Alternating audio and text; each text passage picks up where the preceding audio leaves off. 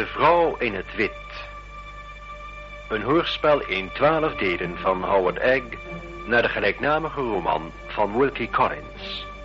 Regie Dick van Putten.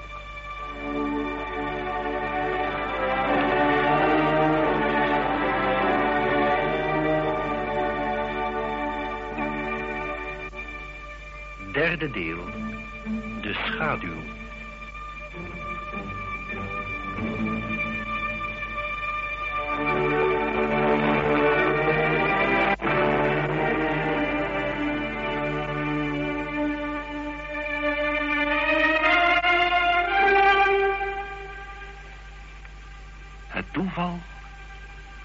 Verhaal van een dorpsjongetje hadden Miss Helcom en mij naar de kerk van Limbridge gevoerd...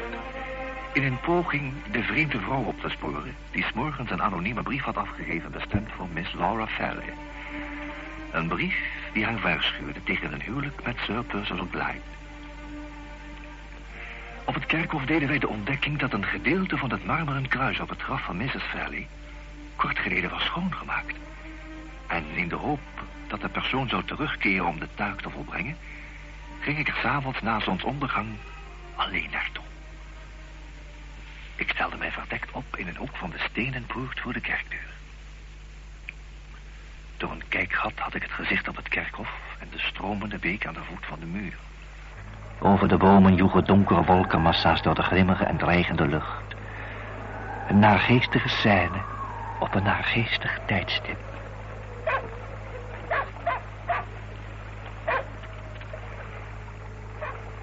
Ik wachtte en waakte. Mijn blik gericht op het kruis op Mrs. Valley's graf. Plotseling passeerden in het vreemde avondlicht twee vrouwen de plaats waar ik stond opgesteld. Zij begaven zich naar het kerkhof. De een droeg een hoed en een omslagdoek... en de ander een lange donkere reismantel... waarvan de kap diep over het hoofd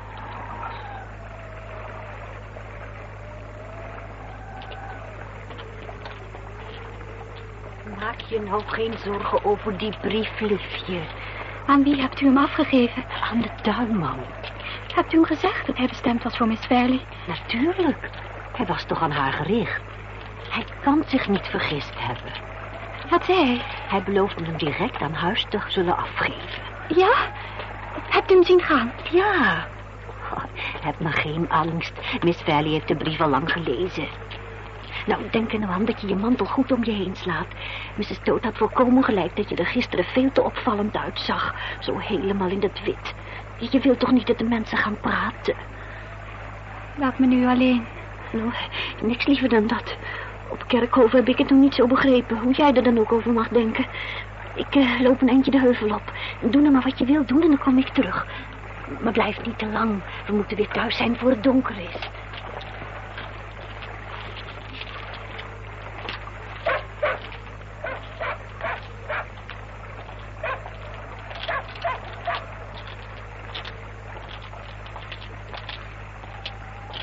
Oh! Alsjeblieft, wees niet bang. Ik wil u geen kwaad doen. Wie... Wie bent u? U herkent mij toch wel? Ik zal wel dichterbij komen. Herkent u mij nu? Ik, ehm... ik weet het niet. We hebben elkaar lang geleden ontmoet. Toen heb ik u nog geholpen de weg te vinden naar Londen. Dat kunt u toch niet vergeten zijn? Denkt u maar eens rustig na. Denk na. En dan zult u zeker weten dat ik een vriend ben. U bent erg vriendelijk. Net zo vriendelijk als u toen was. Dan herkent u mij dus. Ja, ja, ik herken u. Kunt u niet met mij praten zonder angst te voelen? Zonder te vergeten dat ik een vriend ben? Hoe bent u hier gekomen? Naar Limerick? Herinnert u zich niet meer dat ik u toen gezegd heb dat ik naar Cumberland zou gaan? Wel, sinds die tijd ben ik hier. En al die tijd heb ik op Limerick House gewoond. Limerick House? Ja? Wat zult u gelukkig zijn geweest. Waarom kijkt u me zo aan? Wat denkt u? Niets bijzonders. Ik vroeg mij alleen maar af hoe u hier kwam. Met een heel goede vriendin. Ik ben maar twee dagen in Limerick geweest. En gisteren hebt u de weg hierheen gevonden. Naar deze plaats. Hoe weet u dat? Wel, ik vermoed het alleen. Waar zou ik anders naartoe gaan dan naar hier? De vriendin die beter voor me is geweest dan een moeder... is de enige die ik moet bezoeken in Limerick. Het doet mij zo'n pijn al die vlekken te zien op het kruis. Dat komt door het weer. Ja, maar het moest wit als sneeuw worden gehouden. Gisteren ben ik eraan begonnen het schoon te maken. Ik wil nu proberen het klaar te krijgen. Is het soms verkeerd wat ik doe? Nee, Oh, natuurlijk. Niets kan verkeerd zijn wat ik doe ter wille van Mrs. Fairley. ik ben heel erg blij dat wij elkaar opnieuw hebben ontmoet. Werkelijk? Waarom? Ik heb mij zorgen over u gemaakt. Nadat u die avond bent weggereden in het rijtuig. Zorgen? Waarom? Omdat er iets eigenaardigs gebeurde nadat u was vertrokken. Twee mannen in het rijtuig kwamen mij achterop gereden. Zij konden mij niet zien, maar ze stopten vlak bij mij... en spraken een politieagent aan die aan de overzijde liep. Ze vroegen hem of hij u gezien had en ze zeiden dat u ontsnapt was uit een gesticht. Alsjeblieft, nee, niet bang zijn, niet weglopen, luister goed. Luister goed. Eén woord van mij had die man op uw spoor kunnen brengen, maar dat woord heb ik niet gesproken. Ik heb u geholpen te ontsnappen. Denk na. Denk goed na. En probeer te begrijpen wat ik u zeg. U gelooft toch niet dat ik weer terug moet naar dat gesticht, nietwaar? Natuurlijk niet. Ik ben blij dat u het bent ontvlucht. En ik ben blij dat ik u geholpen heb. Ja, ja. U hebt mij inderdaad geholpen. U hebt mij geholpen op het moeilijkste ogenblik. Het was heel eenvoudig om te ontsnappen. Ze wantrouwden mij nooit zoals de anderen. Ik was zo rustig, zo gehoorzaam en zo gemakkelijk bang te maken. Londen te vinden, dat was het moeilijkste. En daarbij hebt u mij geholpen. En heb ik u toen wel bedankt. Dan dank ik u nu heel hartelijk. U zei dat u een vriendin had in Londen. Hebt u die nog gevonden? Ja, het was al heel laat, maar er was nog een meisje op in huis. En zij heeft Mrs. Clemens voor mij gewekt. Mrs. Clemens is mijn vriendin. Zij heeft gezegd dat als ik ooit eens in moeilijkheden zou komen, zij mij zou helpen. Zij is net als u. Zij gelooft ook niet dat ik weer terug moet naar het gesticht. Zij is net zo verheugd als u dat ik ben gevlucht. Ze betreurt mijn ongeluk. En ze zegt dat het voor iedereen een geheim moet blijven. Uw ongeluk? Wat is dat dan? Het ongeluk dat ik werd opgesloten. Wat zou er anders voor ongeluk kunnen zijn? En u bent al die tijd bij Mrs. Clemens gebleven? Ja, tot we samen twee dagen geleden hier naartoe kwamen. Was dat Mrs. Clemens met wie ik u zojuist zag? Ja, En woont u in het dorp? nee, nee, niet in het dorp. Vijf kilometer verder op een boerderij. Kent u die boerderij? Hij heet Toad's Corner. Ja, ik ben er wel eens langs gereden, ja, ja. Op Toad's Corner woont familie van Mrs. Clemens. En zij had haar al dikwijls gevraagd om eens op bezoek te komen.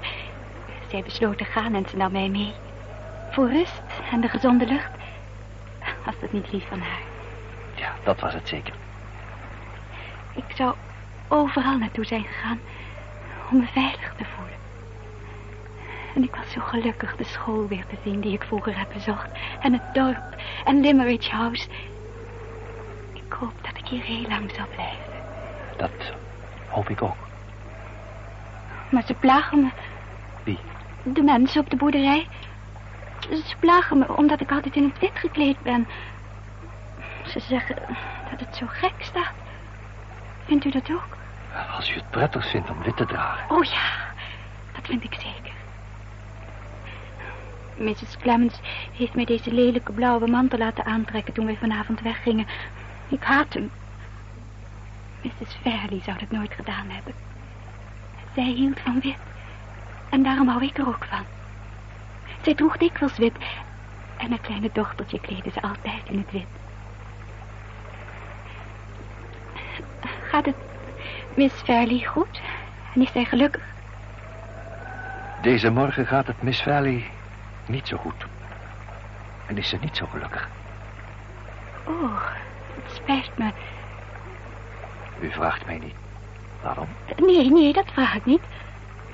Ik zal het u zeggen zonder dat u het vraagt. Miss Fairley heeft uw brief ontvangen. Hoe weet u dat? Wie heeft u die laten zien? Ik heb hem niet geschreven. Ik weet er niets van. Jawel. U hebt hem geschreven en u weet er wel van. Het was verkeerd zo'n brief te sturen. Het was verkeerd Miss Valley zo'n angst aan te jagen. Als u haar iets te vertellen had dat waar was... en dat zij beslist moest weten... dan had u zelf naar Limerick House moeten gaan. U had zelf met Miss Valley moeten gaan praten. Zij zal net zo goed en vriendelijk zijn voor u als haar moeder was. Zij zal uw geheim bewaren en ervoor zorg dragen dat u geen leed geschiet. Wilt u haar morgen ontmoeten? Op de boerderij of in de tuin van Lemmert's House? Dan zal ik dat graag in orde maken. Dat, dat, dat kan ik niet. Dat kan ik niet. Waarom niet? U, u begrijpt het niet. Vraag het mij niet. Laat mij alleen. Ik wil nergens over praten dat u van streek maakt. Ik wil u alleen maar geruststellen. En als u wat kalmer bent, denk dan eens na over hetgeen ik u heb gezegd. Gezegd? Wat hebt u gezegd? Waarom wilt u mij niet helpen? Ik wil u helpen. Ik heb u gevraagd om morgen Miss Fairley te ontmoeten. En Miss Fairley de waarheid te zeggen over de brief die u geschreven hebt. Miss Fairley. Zegt u mij hoe ik haar kan redden? Vertel haar alles wat u weet. U hoeft geen angst te hebben. Ach, ze weet er al zoveel van dat het u geen moeite kosten zal haar de rest te vertellen. U hebt in uw brief geen namen genoemd, maar Miss Fairley weet dat de persoon op wie u doelt Sir Percival is. Oh, nee! Alsjeblieft, alsjeblieft. Ik kom al, ik kom al. Wie, wie bent u? Hoe durft u een arme, hulpeloze vrouw zo'n schrik aan te jagen? Wat, wat, wat is er mijn kindje? Wat, wat heeft hij gedaan? Nee, nee. Ik ben alleen maar geschrokken. Ik, ik heb haar helaas, en zonder dat het mijn bedoeling was, angst aangejaagd. Maar dit is niet de eerste keer dat zij mij ziet. Oh, Vraagt u het haar zelf en zij zal u zeggen dat ik geen enkele bedoeling had haar kwaad te doen. Ja, ja. Hij is eens erg goed voor mij geweest. Hij heeft mij geholpen die avond dat ik naar uw huis kwam. Hij heeft een rijtuig voor mij geroepen. Ik heb u van hem verteld. ja, inderdaad. Neemt u me niet kwalijk dat ik zo tegen u uitviel, sir. Maar u zult moeten erkennen dat de omstandigheden daar aanleiding toe gaven. Ja, het is meer mijn fout dan de uwe, omdat ik weer eens heb toegegeven aan haar grillen... en haar alleen heb gelaten op een plaats als deze. Toe, kom liefje, kom nou mee naar huis. Probeer mij te vergeven. Wilt u? Ik zal het proberen. Maar u weet te veel. Ik geloof dat u mij altijd bang zult maken. Kom, kom nou. Deze heer heeft gezegd dat hij het niet zo bedoelde. Zo is ze nou altijd. Vol wonderlijke denkbeelden en grillen. Ja, al zo lang als ik haar ken. Maar eh, onschuldig. Zo onschuldig als een pasgeboren kind. Goedenavond, sir.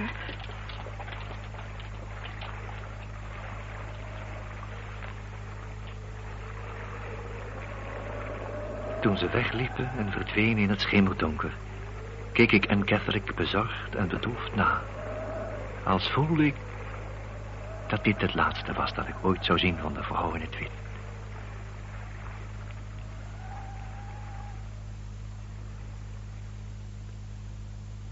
Ik keerde terug naar Limerick's House. En onmiddellijk vertelde ik Miss Halcom alles wat er was voorgevallen. Van het begin tot het einde luisterde zij zwijgend en met gespannen aandacht. Waaruit bleek hoe ernstig zij dit nieuws opnam. Ik ben bezorgd, Mr. Hartright. Bezorgd voor hetgeen de toekomst zal brengen. Die toekomst zal afhangen van de wijze waarop wij gebruik maken van het heden, Miss Halcom. En Catholic zal tegenover een vrouw misschien openlijker praten dan tegenover mij. Als Miss Fairley... Nee, nee. Dat kan ik niet goed vinden. Waarom gaat u dan niet zelf? Probeer alles om haar vertrouwen te winnen. Zal ik u morgen naar de boerderij brengen? Voor het welzijn van Laura wil ik overal naartoe en wil ik alles doen. Welke boerderij was het, zei u? Toad's We zijn er dikwijls langs gereden. Ik weet het. Het is een van de boerderijen van Mr. Fairley. Het keukenmeisje hier is een dochter van Mr. Toad. Misschien kan zij ons helpen. Ik zal later met haar praten. Maar allereerst moet ik overdenken... wat ik moet zeggen tegen Anne Keswick. Wat ik noodzakelijk moet weten.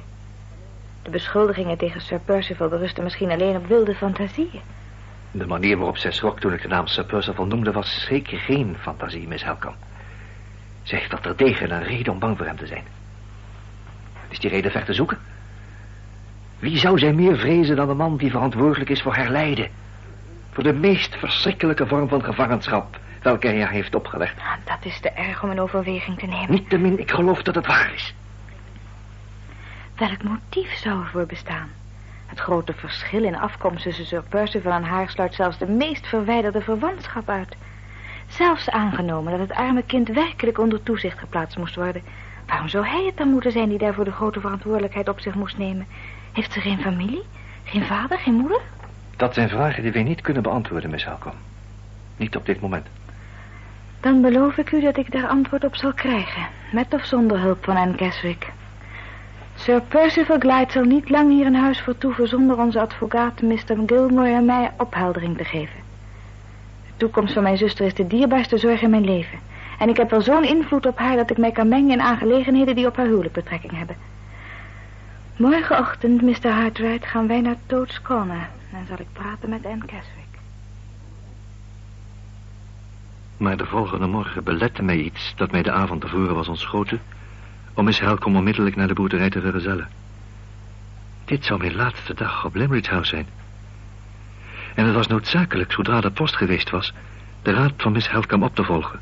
en Mr. Fairley te verzoeken onze arbeidsovereenkomst ontijdig te mogen afbreken. Na het ontbijt liep ik de gang door, ging de trap op, kwam in een kleine ronde hall opende de beide met stof beklede deuren en stapte tussen de twee zeegroene gordijnen door op het dikke tapijt in zijn kamer. Mr. Fairley zat zoals gewoonlijk in zijn grote gemakkelijke stoel, met op de armleuningen een lessenaar en een klein tafeltje bevestigd, en was bezig zijn muntenverzameling te bestuderen. Ah, Mr. Hartwright, prettig dat u er bent. Ik heb een aantal eh, nieuwe tekeningen voor u. Ik wil er met u over praten. Eh, gaat u zitten. Dank u, Mr. Fairley. Maar uh, het doel van mijn bezoek deze morgen... Ach, wees zo goed, Mr. Hartwright. Ja, u bent altijd op zo'n bijzondere wijze in staat mijn zenuwen te kalmeren. Ach, wees zo goed een hoekje van de zonwering wat op te trekken. Hè? Maar, maar denk eraan dat er geen zonlicht naar binnen valt. Ja. Ja, juist. Dank u, dank u, dank u, ja. Uh, u zou mij ook zeer verplichten nu even in de tuin te kijken... en mij te zeggen of u ook kinderen ziet... Nee, Mr. Valley, ik zie geen kinderen. Oh, dank u. Oh, verbeelding, waarschijnlijk. Ik meen uh, hun verschrikkelijke stemmen te horen. In dit huis zijn de hemel zij dank geen kinderen. Maar de bedienden, mensen die geboren zijn zonder zenuwen, Mr. Hartrijd... zouden de kinderen uit het dorp ertoe kunnen aansporen. Ja, naar gewichten. Kinderen. Zijn er alleen maar voor het produceren van onverdraaglijk rumoer... Och, u hebt er geen voorstelling van. Hoe ik daaronder lijd, als zelfs al het lawaai van een, van een vallend potlood voldoende is om mijn zenuwen te verwoesten.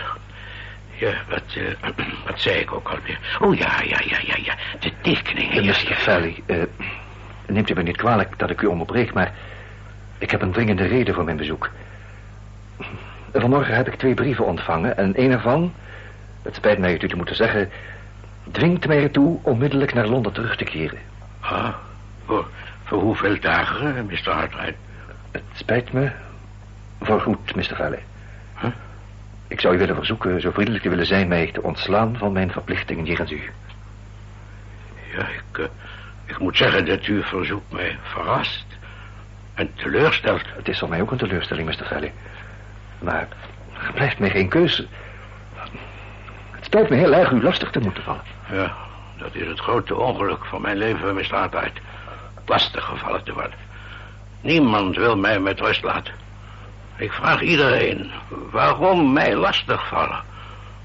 Niemand geeft antwoord op die vraag. Familie, vrienden en vreemden spannen samen om mij te verontrusten. Wat heb ik gedaan? Dat vraag ik mezelf. Ik vraag het mijn bediende, Louis. Vijftig keer per dag. Wat heb ik gedaan. En niemand kan dat zeggen. Dat is hoogst eigenaardig. Juist nu mijn zenuwen in zo'n miserabele staat verkeer... komt u hier met, met dreigementen. Dit, dit is geen dreigement, Mr. Valley. Het is hoogst ongewoon, Mr. Hartright. Misschien ongewoon, maar daar kan ik echt niets aan doen, Mr. Valley. De hoge waardering die ik koester voor de kunst in al haar vormen... en waarvan het cultiveren voor mij een troost en een geluk betekenen... in mijn ellendig bestaan, wordt niet gemakkelijk geschokt. Maar u bent erin geslaagd het wel te schokken, Mr. Hartright. Dat spijt mij. Ik geloof niet dat ik op uw verzoek kan ingaan. Nog is er is bijvoorbeeld het uh, wettelijk aspect dat wij moeten overwegen. Onze overeenkomst is aangegaan voor een minimumperiode van vier maanden. Deze periode hebt u nog niet beëindigd. Ik zal mijn zaakwaarnemer moeten uitplegen. Over een uh, paar dagen zal ik u antwoorden. Zo lang kan ik niet wachten, Mr. Fairley. Morgenochtend moet ik, moet ik naar Londen terugkeren. Zelfs al, al wil hij mij niet laten vertrekken. Ik, ik, ik zal toch moeten gaan. U zet mij het mes op de keel, Mr. Artwright. Ja, wat kan ik onder deze omstandigheden uitrichten? Ik ben een ziek man. Maar daar trekt u zich niets van aan. Maar ik kan mij niet verdedigen.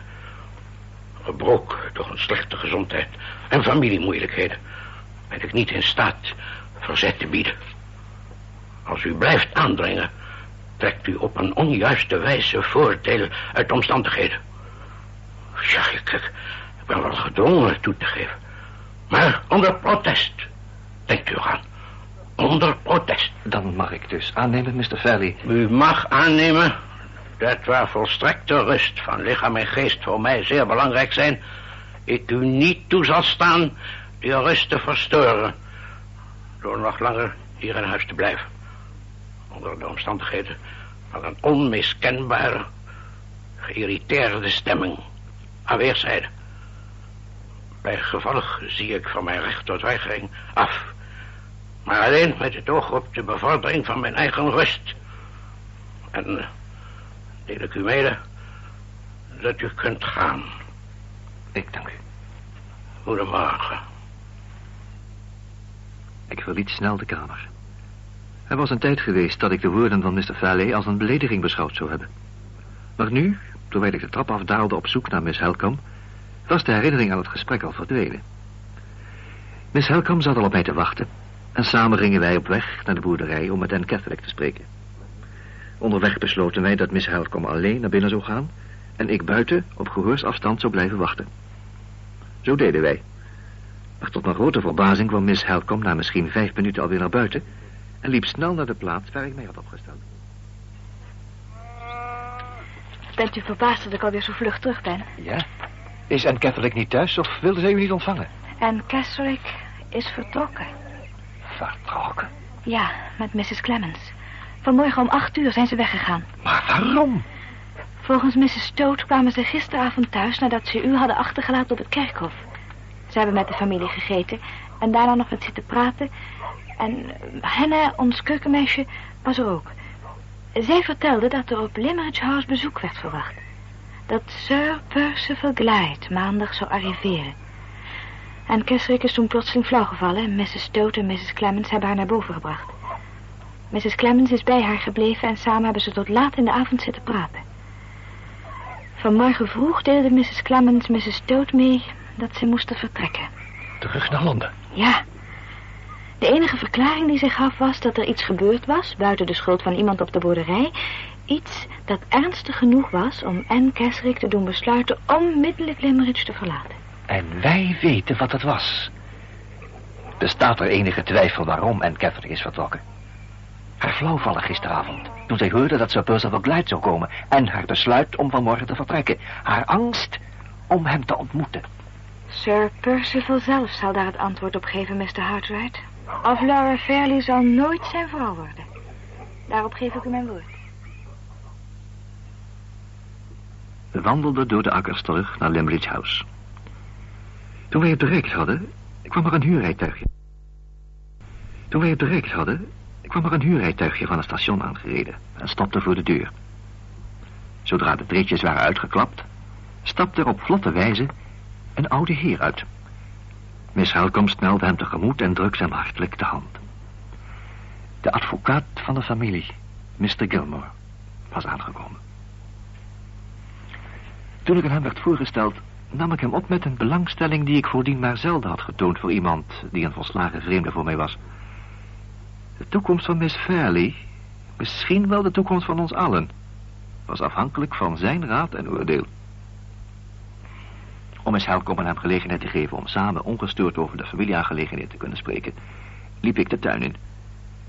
Enige tijd later, toen ik in een beschutte hoek van het westelijke terras van de zon zat te genieten, zag ik Mr. Gilmore aankomen, kennelijk naar mij op zoek.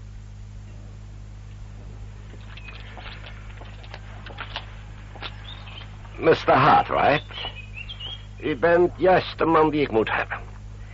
Ik heb het een en ander met u te bepraten... en als u er geen bezwaar tegen hebt... dan zou ik van deze gelegenheid gebruik willen maken.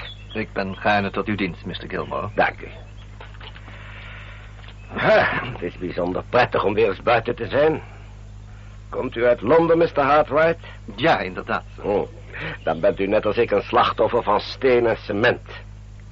Hoe kan je dan niet dikwijls verlangen naar het gezicht van een groene weide?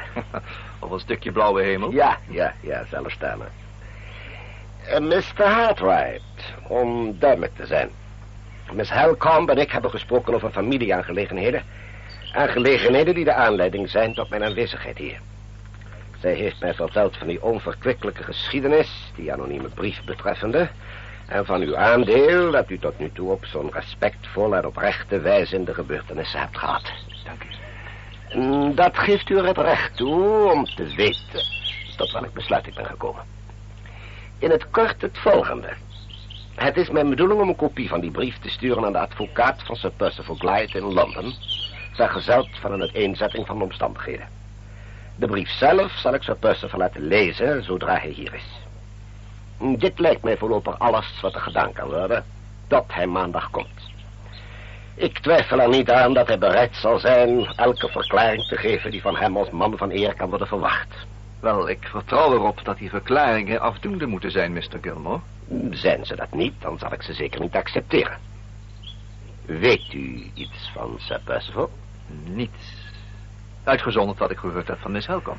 Hij is een hoogstaand man, sir. Heeft een belangrijke positie. Een reputatie boven elke verdenking verheven.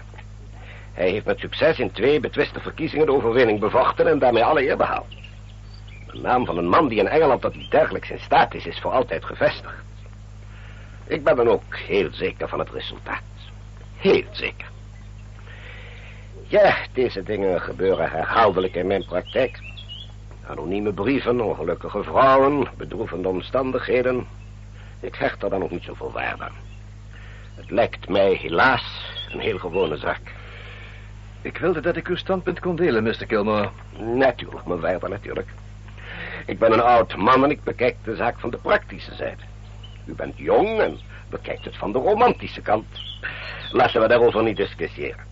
Wij zullen de gebeurtenissen afwachten. Ja, ja, laten we dat doen.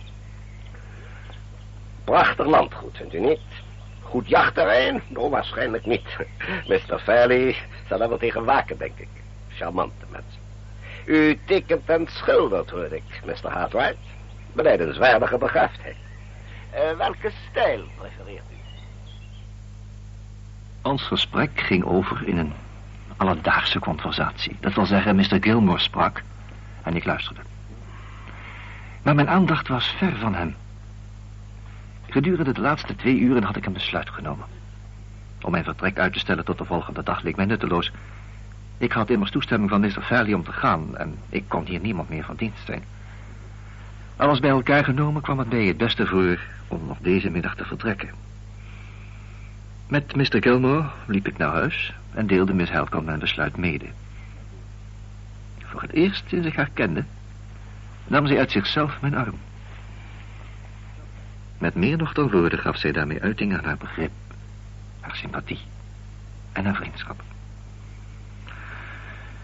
Zo verstreken mijn laatste uren op Limerick House. Na de lunch pakte ik mijn bescheiden bagage, die ik drie maanden geleden had meegebracht en ging naar beneden naar de salon om afscheid te nemen.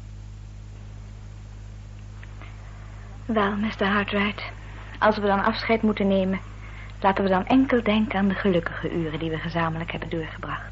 Er zijn zoveel gelukkige uren geweest, Miss Helcom, dat het mij niet moeilijk zal vallen ze te herinneren. Mij ook niet.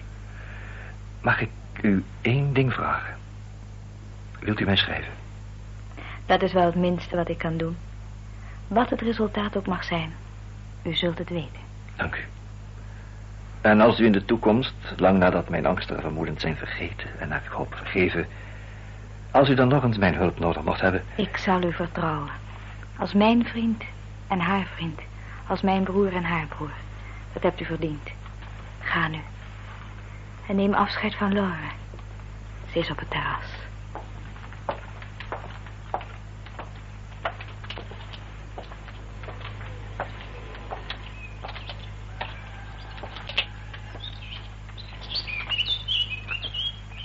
Miss Valley. Ik ben gekomen om afscheid van u te nemen. Het spijt me heel erg dat u weggaat. Lang nadat ik weg ben, zal ik er nog aan denken wat u hebt gezegd. Ik zou u dit willen geven. Als u het wilt aannemen. Het zal u doen herinneren aan uw bezoek hier. En aan de vriendin die u hebt achtergelaten. Ach. De kleine zwart-wit tekening die u gemaakt hebt van het zomerhuis. Ja, Waar ik u voor het eerst zag. Weet u nog? ja. Hoe kort geleden lijkt dat. Ik was bang om u mijn werk te laten zien. Ik schaamde mij ervoor. Daarvoor was toch geen enkele reden. En de tekening die u mij nu gegeven U hebt... zei me toen ik eraan bezig was dat ik vorderingen maakte. Ik dacht dat u hem misschien graag wilde hebben. Ik zal hem als een schat bewaren. Ik ben er heel dankbaar voor. En ik ben u dankbaar dat u mij niet hebt laten gaan zonder afscheid te nemen. Hoe zou ik u kunnen laten gaan zonder... zonder u te danken voor... Oh, zoveel dingen. Zoveel gelukkige dagen.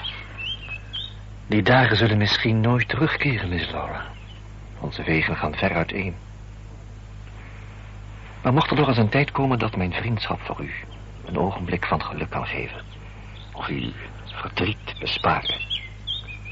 Wilt u zich dan die tekenleraar herinneren die u onderricht heeft gegeven? Miss Helcom heeft beloofd mij te vertrouwen. Wilt u mij dat ook beloven? Ja, ik beloof het. Ik beloof het met heel mijn hart. U hebt veel vrienden die van u houden, Miss Laura. Uw geluk is de dierbare wens van velen. Mag ik ten afscheid zeggen dat dit ook mijn dierbare wens is? Alsjeblieft, gaat u nu.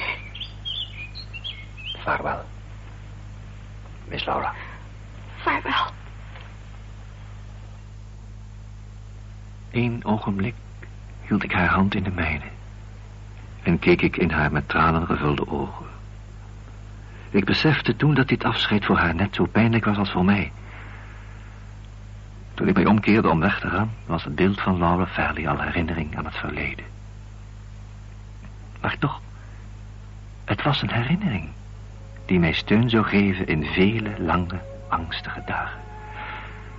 Waarop, zoals ik later hoorde, alleen de moed en toewijding van Marion Helcom waakte in de uren van wanhoop die het leven beroerde van de persoon die wij beiden zo lief hadden.